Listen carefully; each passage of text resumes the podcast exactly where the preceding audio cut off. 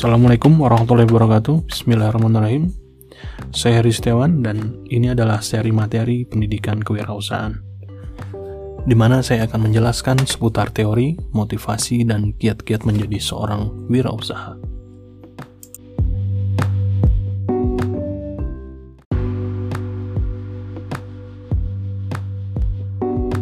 Untuk mulai mendengarkan materi kali ini, silakan download terlebih dahulu materi dalam bentuk PDF yang sudah saya bagikan ya.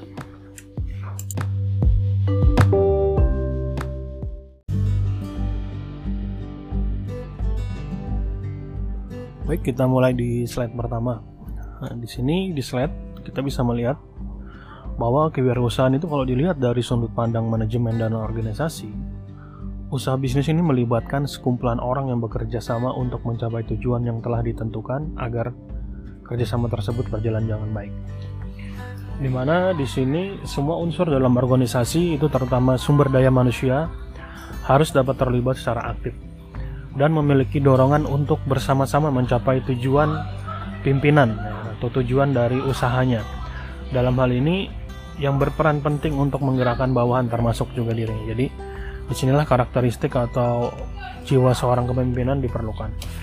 Nah dari penjelasan tadi, jadi agar sumber daya manusia dapat digerakkan dalam rangka mencapai tujuan organisasi perlu dipahami motivasi mereka dalam bekerja jadi menjadi seorang pimpinan itu harus bisa memotivasi bawahan, harus bisa memberi semangat bawahan untuk tetap selalu bisa bersama-sama mencapai tujuan yang diinginkan. Nah, jadi di sini motivasi dalam berwirausaha itu sangat penting ya. Karena kalau tidak termotivasi atau misalnya motivasinya tidak ada itu biasanya nanti akan berhenti di tengah jalan. Tapi kalau selama motivasi itu terus ada, mereka akan sekuat tenaga untuk menggapai atau mencapai tujuan tersebut. Nah, di sinilah agar sumber daya manusia dapat digerakkan dalam rangka mencapai tujuan organisasi, perlu dipahami motivasi mereka dalam bekerja. Jadi, sebagai seorang pimpinan, kita harus bisa memahami motivasi apa yang bisa memberikan semangat kepada tim ya, itu untuk tetap terus uh, berkarya dan terus bersama-sama mencapai tujuan. Baik, berikutnya di sini motivasi dipahami sebagai keadaan dalam diri individu yang menyebabkan mereka berperilaku dengan cara yang menjamin tercapainya suatu tujuan. Jadi di sini adalah motivasi itu ada keadaan dari individu masing-masing ya. Di sini mereka berperilaku dengan menjamin tercapainya suatu tujuan. Dalam hal ini motivasi orang itu berbeda-beda. Nah, semakin wirausaha mengerti perilaku anggota organisasinya, semakin mampu mereka mempengaruhi perilaku tersebut dan membuat lebih konsisten dengan pencapaian tujuan organisasional. Nah, karena produktivitas dalam semua organisasi adalah hasil perilaku anggota organisasi. Jadi, di sini produktivitas dalam sebuah organisasi itu adalah perilaku dari organisasi tersebut. Jadi, kalau misalnya kompak, ya maju bersama. Kalau misalnya ada sebagian yang tidak kompak, biasanya ya perjalanan dari bisnisnya juga akan terganggu. Nah, ini karena produktivitas dalam semua organisasi adalah hasil perilaku anggota organisasi. Ini mempengaruhi perilaku perilaku ini adalah kunci bagi wirausaha untuk meningkatkan produktivitas. Jadi kalau kita lihat ini ada gambar ya. Oke, pada gambar kita bisa lihat di sini untuk mencapai sebuah kesuksesan di ilustrasi ini ada ada dua tipe kepemimpinan. Yang pertama itu tipe pemimpinan leader, yang kedua adalah tipe kepemimpinan bos. Jadi ini kita sudah banyak mendengar atau melihat ya. Uh, kalau seorang leader itu biasanya dia akan ikut serta, dia akan memberi contoh, dia akan berkontribusi pada timnya. Tapi kalau seorang bos itu dia hanya tukang perintah ya, dia tidak punya uh, rasa kerjasama rasa kebersamaannya tidak ada. Dia yang penting apa yang dia inginkan harus tercapai ini adalah bos. Nah biasanya untuk seorang leader itu lebih cepat untuk mencapai kesuksesan. Karena kalau bos ini kalau bawahannya atau anak buah atau anggota timnya tidak suka dengan cara dia memimpin biasanya ya akan mundur sendiri nah seperti itu ya Oke, kemudian di slide berikutnya di sini adalah uh, pengertian dari kata motivasi sendiri ya. Jadi di sini ada beberapa pendapat ya, yang ada di slide. Ini kata motivasi ini berdasar dari bahasa Latin yaitu motif, motif ya, yang berarti dorongan, daya penggerak atau kekuatan yang terdapat dalam diri organisasi yang menyebabkan organisasi itu bertindak atau berbuat. Jadi di sini adalah dorongan, kemudian daya gerak tim yang ada di dalam, kemudian orang-orang yang bekerja di dalamnya yang menyebabkan organisasi itu bisa berjalan ya atau bisa bergerak. Kemudian ada juga pendapat dari Robbins ini mendefinisikan motivasi itu sebagai kesediaan untuk mengeluarkan tingkat upaya yang tinggi ke arah tujuan-tujuan organisasi yang dikondisikan oleh kemampuan upaya untuk memenuhi kebutuhan individual. Nah, jadi motivasi di sini itu dia berpengaruh pada untuk memenuhi kebutuhan individual dia. Misalnya ada orang yang motivasi bekerja ingin mendapatkan mobil misalnya atau mendapatkan rumah. Jadi dia motivasi tinggi untuk bekerja itu sangat tinggi. Kemudian menurut Wahjo Sumijo ini 1984 Motivasi ini merupakan proses psikologi yang mencerminkan interaksi antara sikap, kebutuhan, persepsi, dan kebutuhan yang terjadi pada diri seseorang. Jadi menurut Wahyu Sumijo ini, motivasi itu merupakan proses psikologi atau dari dalam diri seseorang ini yang mencerminkan interaksi antara sikap dia, kemudian kebutuhan dia dan persepsi dia. Itu sehingga memunculkan motivasi pada dirinya. Nah, ini dengan demikian motivasi itu dapat dipahami sebagai keadaan dalam diri individu yang menyebabkan mereka itu berperilaku dengan cara yang menjamin tercapainya suatu tujuan. Motivasi menerangkan cara orang-orang berperilaku seperti yang mereka lakukan ya. Semakin wirausahawan mengerti perilaku anggota organisasi, semakin mampu mereka mempengaruhi perilaku tersebut dan membuatnya lebih konsisten dengan pencapaian tujuan organisasional. Jadi di sini untuk menumbuhkan um, bermotivasi dalam berwirausaha, seorang pimpinan itu harus paham, harus uh, apa namanya, harus bisa memahami anggota timnya. Jadi perilaku organisasinya itu seperti apa, motivasi-motivasi yang menyebabkan timnya itu semakin loyal itu bagaimana. Nah, jadi di sini peran pimpinan untuk memahami setiap individu itu sangat penting. Kemudian kita ke slide berikutnya. Di sini adalah fungsi dari motivasi. Jadi setiap wirausahawan itu dia memiliki motivasi ya. Meskipun dalam bentuk yang berbeda. Jadi seorang wirausahawan itu masing-masing dia memiliki motivasi masing-masing tersendiri dan berbeda.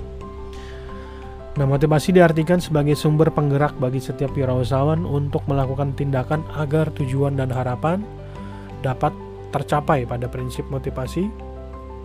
Ini ada tiga dalam kehidupan manusia. Yang pertama, itu adalah mendorong manusia untuk berbuat. Jadi motivasi itu mendorong manusia untuk berbuat ya, atau untuk bertindak.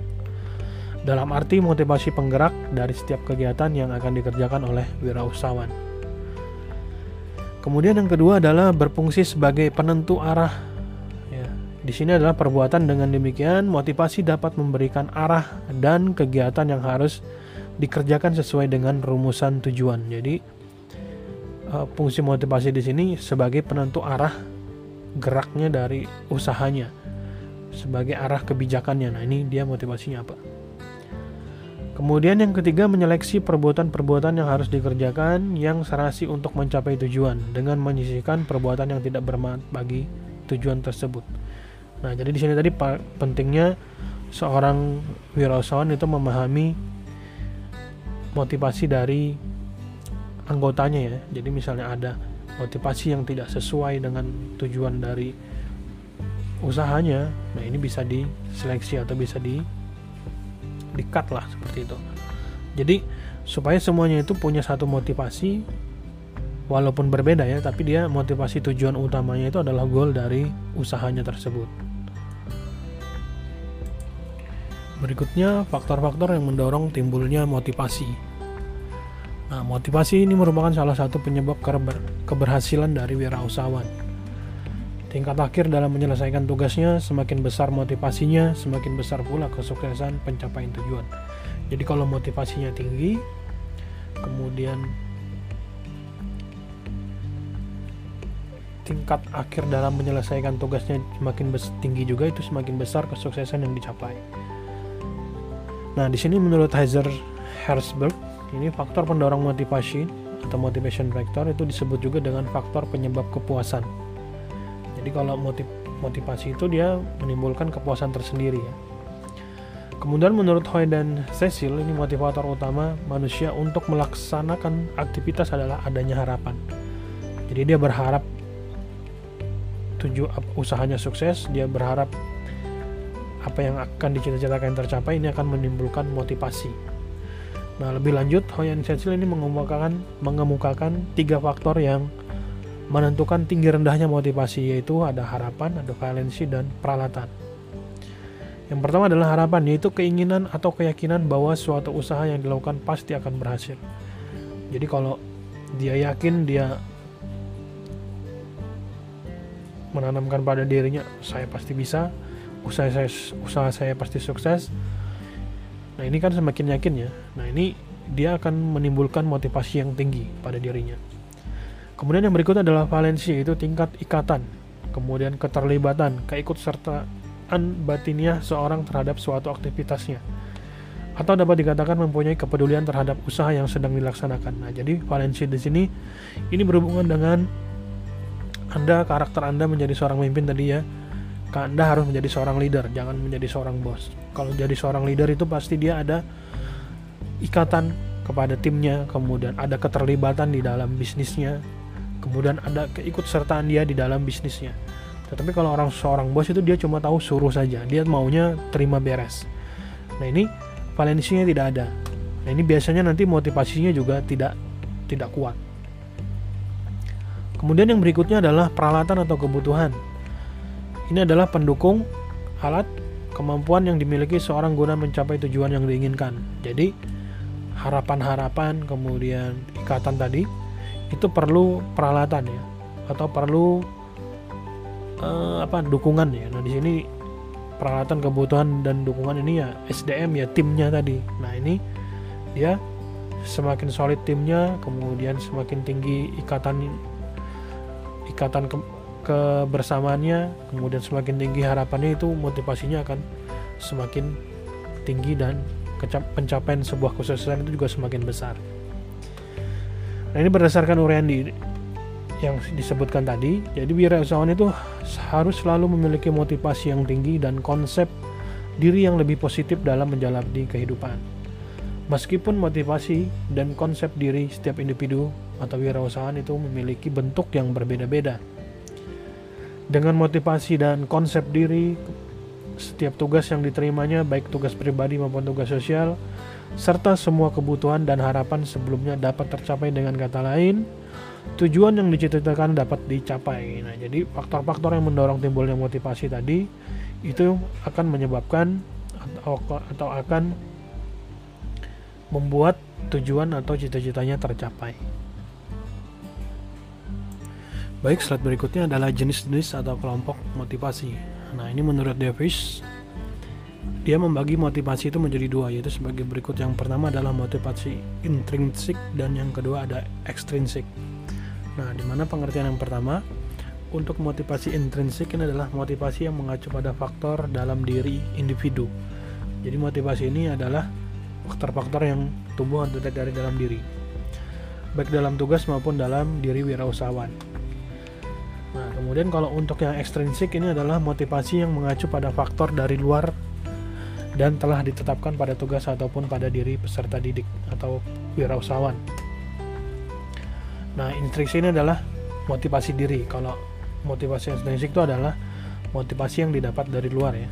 Bisa dari pimpinan, bisa dari orang lain yang memberikan tugas. Nah, ini motivasi intrinsik. Ekstrinsik itu bisa berupa penghargaan, pujian, hukuman atau celaan yang dapat meningkatkan atau mengurangi kreativitas seorang wirausahawan. Jadi kalau misalnya ada penghargaan atau pujian atau reward dan lain-lain itu adalah motivasi ekstrinsik. Kalau ekstrinsiknya adalah yang uh, dari jiwa diri masing-masing. Kemudian Otto ini juga berpendapat mengelompokkan motivasi dalam enam kelompok. Kalau yang sebelumnya tadi kita lihat ada tiga, ada dua intrinsik dan extrinsic. Berbeda dengan Otto dia mengelompokkan menjadi enam. Yang pertama itu adalah motivasi psikologi. Ini adalah merupakan dorongan alamiah yang ada pada setiap wirausahawan untuk berkembang dan berkreativitas. Nah, motivasi psikologi kalau yang di sebelumnya mungkin lebih ke intrinsik ya karena dari dalam dirinya sendiri. Nah, ini biasanya kalau motivasi psikologi ini adalah motivasi yang tidak disadari. Jadi memang sudah ada di jiwanya lah seperti itu.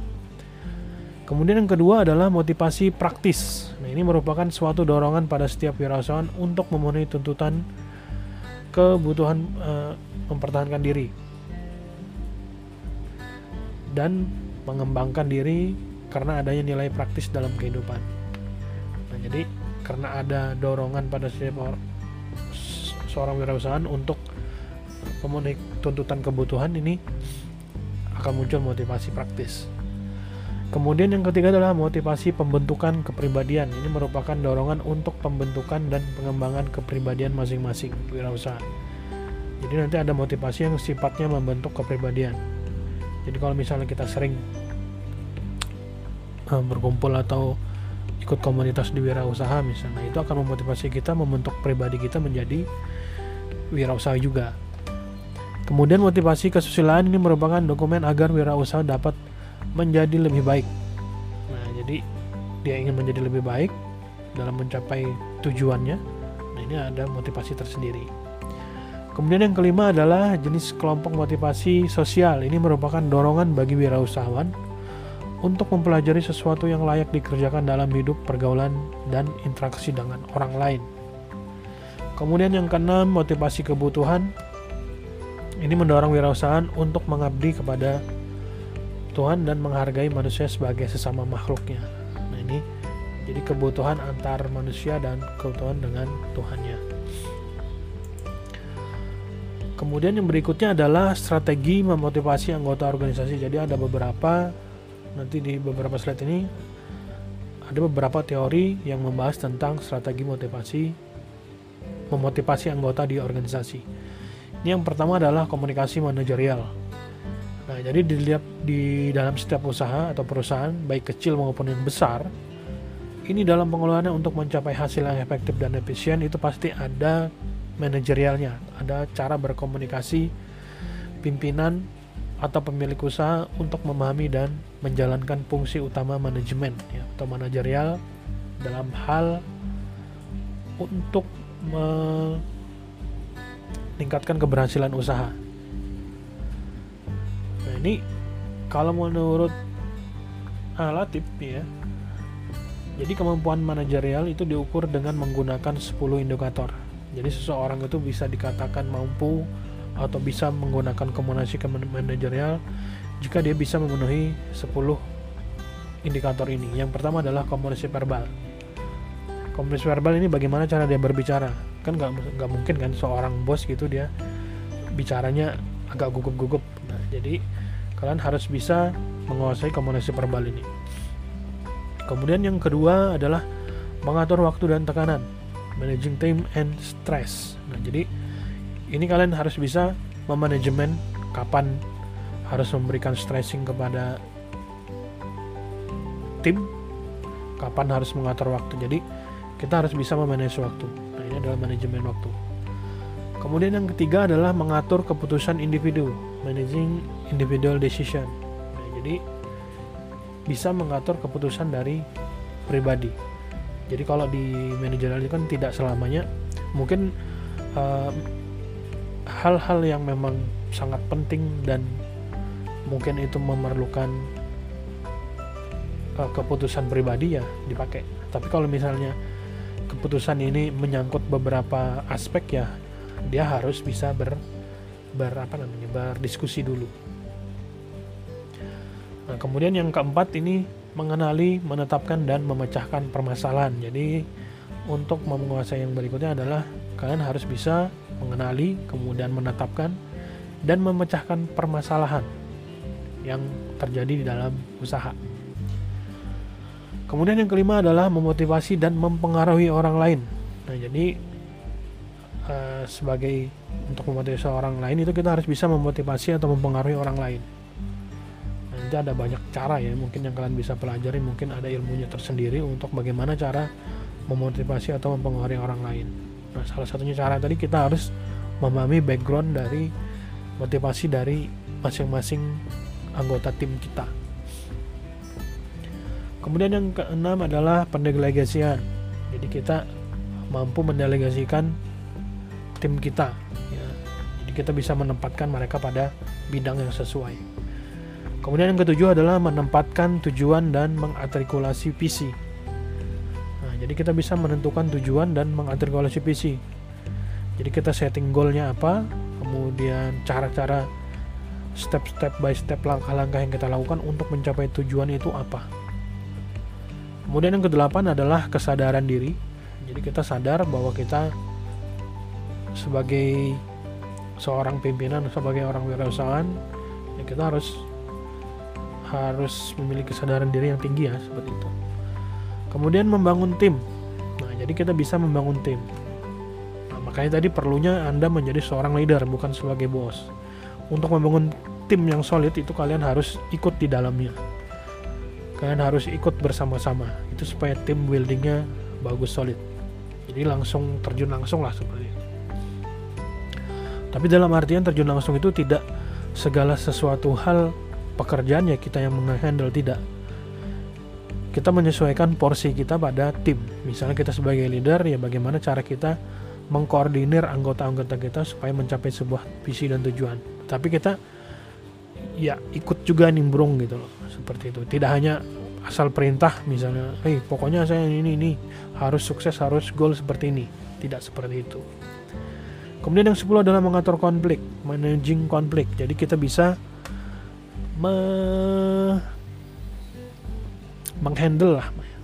Misalnya ada konflik internal atau konflik eksternal itu kita bisa mengatur konfliknya. Jadi tidak terbawa sampai ke proses dari usaha atau bisnis. Berikutnya strategi motivasi anggota itu ada juga yang namanya teori X, teori Y. Nah, ini kalian bisa baca. Ini menurut si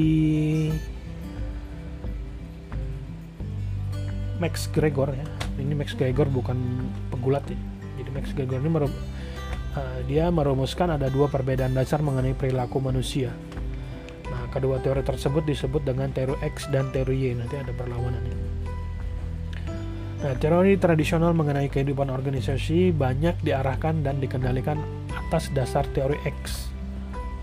Jadi yang pertama nih, rata-rata pekerja itu malas, tidak suka bekerja dan kalau bisa akan menghindarinya. Ini adalah teori, teori X ya. Kemudian yang kedua, karena pada dasarnya tidak suka bekerja, setiap anggota organisasi harus dipaksa dan dikendalikan diperlukan dengan hukuman dan diarahkan untuk pencapaian tujuan organisasi. Kemudian yang ketiga, rata-rata pekerja itu lebih senang dibimbing, berusaha menghindari tanggung jawab, mempunyai ambisi kecil, dan kemauan dirinya di atas segalanya. Nah, teori ini masih banyak digunakan oleh organisasi karena para manajer menyadari bahwa anggapan itu benar dan banyak sifat yang diamati yang diamati perilaku manusia. Nah, sesuai dengan anggapan tersebut, teori X tadi, teori ini tidak dapat menjawab seluruh pertanyaan yang terjadi pada organisasi karena tidak tidak semuanya atau tidak selalu seperti itu gitu. Nah, di sini McGregor dia menjawab dengan teorinya yang berdasarkan kenyataan. Nah, ini di, merupakan anggapan dasar teori Y atau lawan dari teori X tadi. Yang pertama, usaha fisik dan mental yang dilakukan oleh manusia sama halnya dengan bermain atau istirahat. Jadi manusia itu bukannya males gitu loh. Karena namanya fisik atau mental itu sama hal dengan bermain ya. Dia kita perlu energi, kemudian kita perlu istirahat. Kemudian Rata-rata manusia itu bersedia belajar dalam kondisi yang layak, tidak hanya menerima tapi mencari tanggung jawab. Nah, tadi disebutkan kalau manusia itu dia pada dasarnya tidak suka bekerja, kemudian dia lebih senang dibimbing. Nah, tapi sebenarnya rata-rata manusia itu bersedia kok dia belajar dalam kondisi yang layak. Dalam kondisi yang layak di sini dia dalam kondisi yang nyaman, tidak dalam tekanan lah seperti itu. Tidak hanya menerima tetapi mencari tapi mencari tanggung jawab jadi manusia itu tidak hanya dia men, apa dia tidak menghindar saja karena dia ada orang yang uh, mencari tanggung jawab juga kemudian yang ketiga uh, teori Y ada kemampuan yang besar dalam kecerdikan kualitas dan daya imajinasi untuk memecahkan masalah masalah organisasi yang secara luas tersebar pada seluruh pegawai jadi dibilang uh, pekerja itu tidak suka bekerja keras atau berusaha menghindari tanggung jawab, tapi tidak seperti itu pada kenyataannya. Ada beberapa orang uh, ada ide-ide ya. Makanya kalau kalian lihat uh, sekarang ya, berbeda kalau misalnya kalau kalian startup ya, kalau di perusahaan startup kayak sekelas Google itu akan berbeda suasana pekerjaannya dengan yang di konvensional biasanya karena yang di konvensional itu masih rata-rata menganut teori X tadi. Tapi kalau di teori Y itu beda. Jadi misalnya usaha fisik mental dilakukan oleh manusia sama hal dengan bermain dan istirahat. Nah ini kita lihat di kantor Google. Coba aja kalian searching ya kantor Google. Itu kantor bukan seperti kantor. Dia kantor ya kayak tempat bermain, kayak tempat santai seperti itu. Jadi dia bisa lebih fresh atau lebih enak melakukan pekerjaan. Ini pengalaman saya, saya pernah ke kantor Google, itu kantor Google di Jakarta ya saya pernah dapat undangan untuk uh, tour di kantornya Google. Nah itu kantor mereka itu sangat unik. Ya jadi di kantornya itu ada pantry. Pantry itu kayak mini cafe ya di sana. Jadi kita bebas itu mau ambil minum tapi tidak boleh dibawa pulang. Kemudian ada ruang kantor, ruang kerja. Ruang kerja itu ya kayak biasa aja ruang kerjanya. Tapi di samping ruang kerja itu nanti ada ruang khusus ya kayak game. Jadi di ruangan itu ada ya ada Nintendo, ada PS limanya untuk main game lah seperti itu jadi ada ruang khusus kemudian ada ruangan tidur. Nah itu saya juga bingung juga melihatnya ada ruangan tidur. Jadi ada sebuah ruangan itu mungkin disediakan kalau mau istirahat tidur misalnya ya di situ. Nah ini rata-rata kalau yang di startup startup itu seperti itu. Nah jadi mereka untuk melakukan apa mengeluarkan imajinasinya mengeluarkan ide-idenya itu perlu sesuatu kondisi yang nyaman ya seperti itu. Kemudian yang keempat, kembali lagi ke materi, pengandalian dari luar hukuman bukan satu-satunya cara untuk mengarahkan tercapainya suatu tujuan organisasi. Jadi punishment itu tidak selalu memberikan atau mengarahkan tujuan organisasi. Ya, karena kenyataannya seseorang kalau misalnya diberi penghargaan, diberi reward itu akan memberikan motivasi dia dalam mencapai tujuan organisasi. Jadi tidak harus selalu kalau salah dihukum kalau benar ya bagus. Cuma dikasih jempol. Tidak seperti itu ya. Nah ini Douglas McGregor mengidentifikasi dua perangkat asumsi dan merancang seperangkat teori X yang yang dan yang di yang lainnya ya. Ini teori X melibatkan asumsi yang menurut McGregor sering digunakan oleh wirausahawan.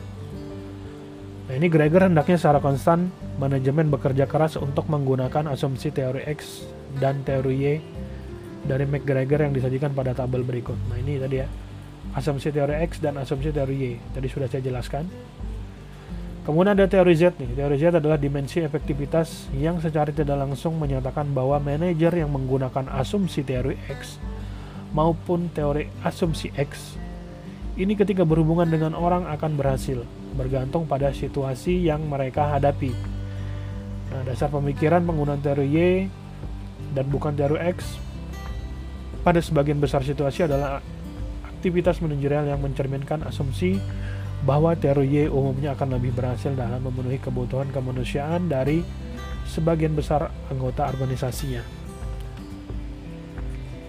Nah, oleh karena itu aktivitas manajemen yang didasarkan pada asumsi teori Y umumnya akan lebih berhasil memotivasi anggota organisasi dibandingkan dengan efektivitas manajemen yang didasarkan pada teori X.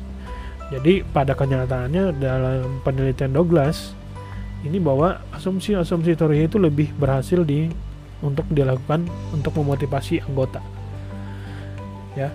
Jadi ada waktu istirahat, ada waktu bekerja. Jadi tidak harus bekerja terus seperti itu.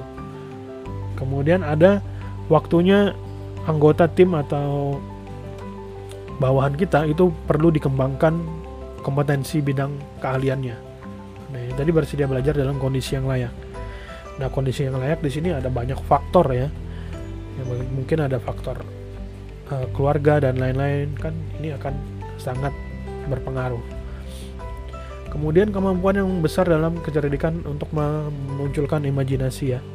Nah, jadi kalau kayak saya sebutkan tadi di kantor gagal, itu kenapa sih mereka di, dibuat suasana lingkungan pekerjaannya itu yang uh, nyaman yang bukan seperti kantor, yaitu supaya imajinasi mereka atau pikiran mereka itu atau ide-ide itu muncul lah seperti itu karena dalam kondisi yang nyaman, tidak dalam kondisi stressing lah seperti itu. Kemudian yang berikutnya, ini ada juga rancangan pekerjaan. Strategi ketiga ini berhubungan dengan rancangan pekerjaan yang dilaksanakan oleh anggota organisasi. Ini yang pertama adalah strategi rancangan pekerjaan awal. Ini suatu gerakan dalam sejarah bisnis Amerika. Ini di Amerika ya. Ini untuk membuat pekerjaan lebih mudah dan lebih terspesialisasi dengan meningkatkan produktivitas tenaga kerja.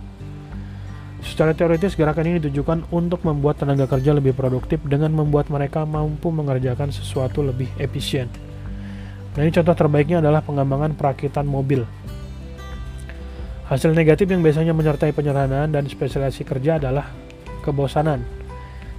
Nah, ini ketika pekerjaan menjadi lebih sederhana dan lebih terspesialisasi, pekerjaan tersebut cenderung membosankan dan kurang memuaskan bagi individu yang menjalankan pekerjaan tersebut. Akibatnya produktivitas akan menurun. Nah, usaha awal untuk mengatasi kebosanan pekerjaan ini adalah dengan rotasi pekerjaan. Nah, jadi kalau strategi, strategi perancangan pekerjaan awal dia, makanya kan kalau di beberapa perusahaan-perusahaan itu ada rotasi ya, supaya dia tidak jenuh pada kondisi dia pada saat ditempatkan. Karena dalam pekerjaan itu nanti ada uh, masa atau kondisi yang jenuh bagi kita. Uh, saya stuck ini ini saja, makanya kalau menjadi seorang wirausahaan itu harus punya ide-ide kreatif dan inovatif ya jadi supaya usahanya itu tidak stuck itu saja biasanya makanya kalau kalian lihat beberapa wirausahawan itu dia pasti memiliki ide-ide baru atau motivasi baru untuk ya untuk mengembangkan usahanya lah misalnya ada usaha keripik nih ada keripik yang pertama keripik jamur keripik singkong nah akhirnya ada keripik lakai ada keripik uh, mungkin pakis dan lain-lain nah ini untuk memotivasi atau supaya dia uh, ber apa namanya tidak tidak bosan seperti itu. Kemudian yang kedua adalah strategi rancangan pekerjaan paling akhir. Ini sejumlah strategi rancangan pekerjaan paling akhir adalah dikembangkan sejak pengembangan program rotasi kerja dan pengayaan kerja. Nah, dua dari strategi paling akhir tersebut adalah sebagai berikut. Yang pertama adalah pengayaan kerja, ini Frederick Hengenbert menyimpulkan dari risetnya bahwa tingkat kepuasan dan tingkat ketidakpuasan yang dirasakan oleh anggota organisasi ini adalah sebagai hasil melaksanakan semua pekerjaan adalah dua variabel berbeda yang ditentukan oleh dua perangkat bagian. Nah, dua bagian ini dinamakan yang pertama adalah faktor motivasi dan faktor motivator. Nah, sementara bagian yang mempengaruhi ketidakpuasan kerja adalah faktor pemeliharaan.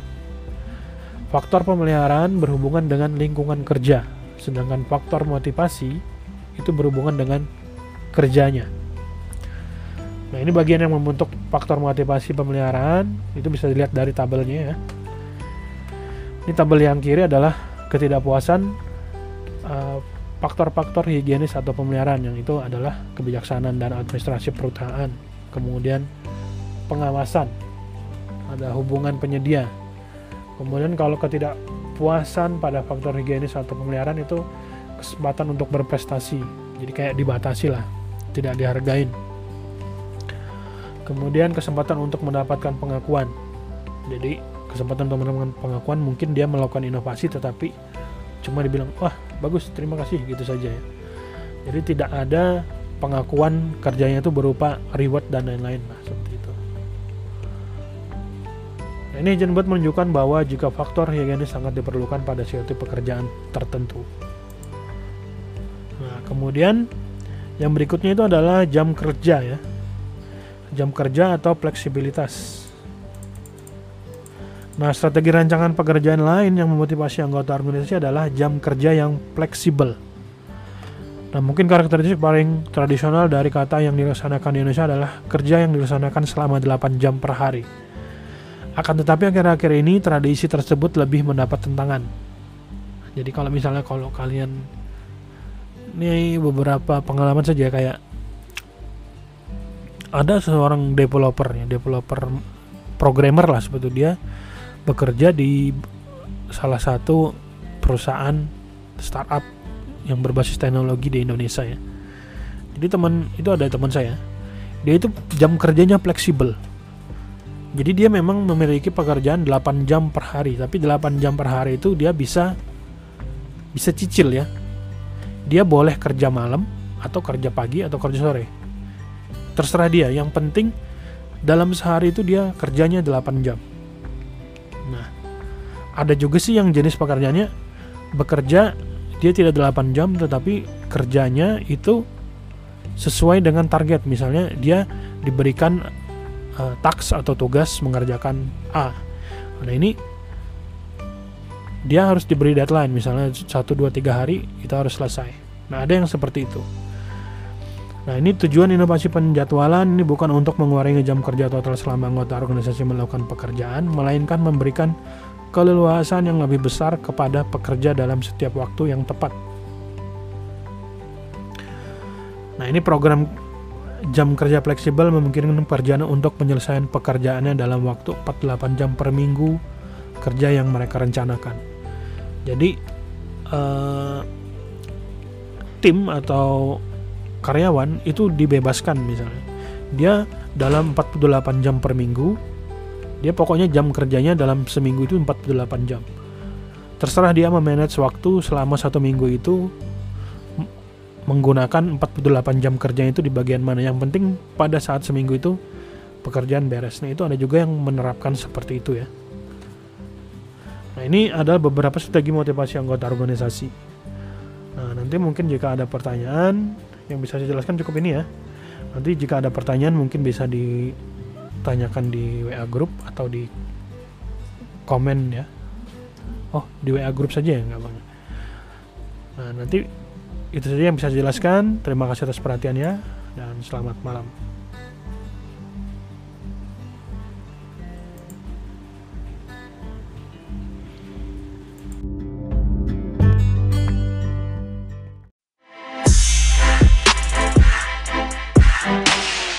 Terima kasih telah mendengarkan ceramah perkuliahan yang saya sajikan dalam bentuk podcast ini ya, khususnya untuk sharing materi pendidikan kewirausahaan.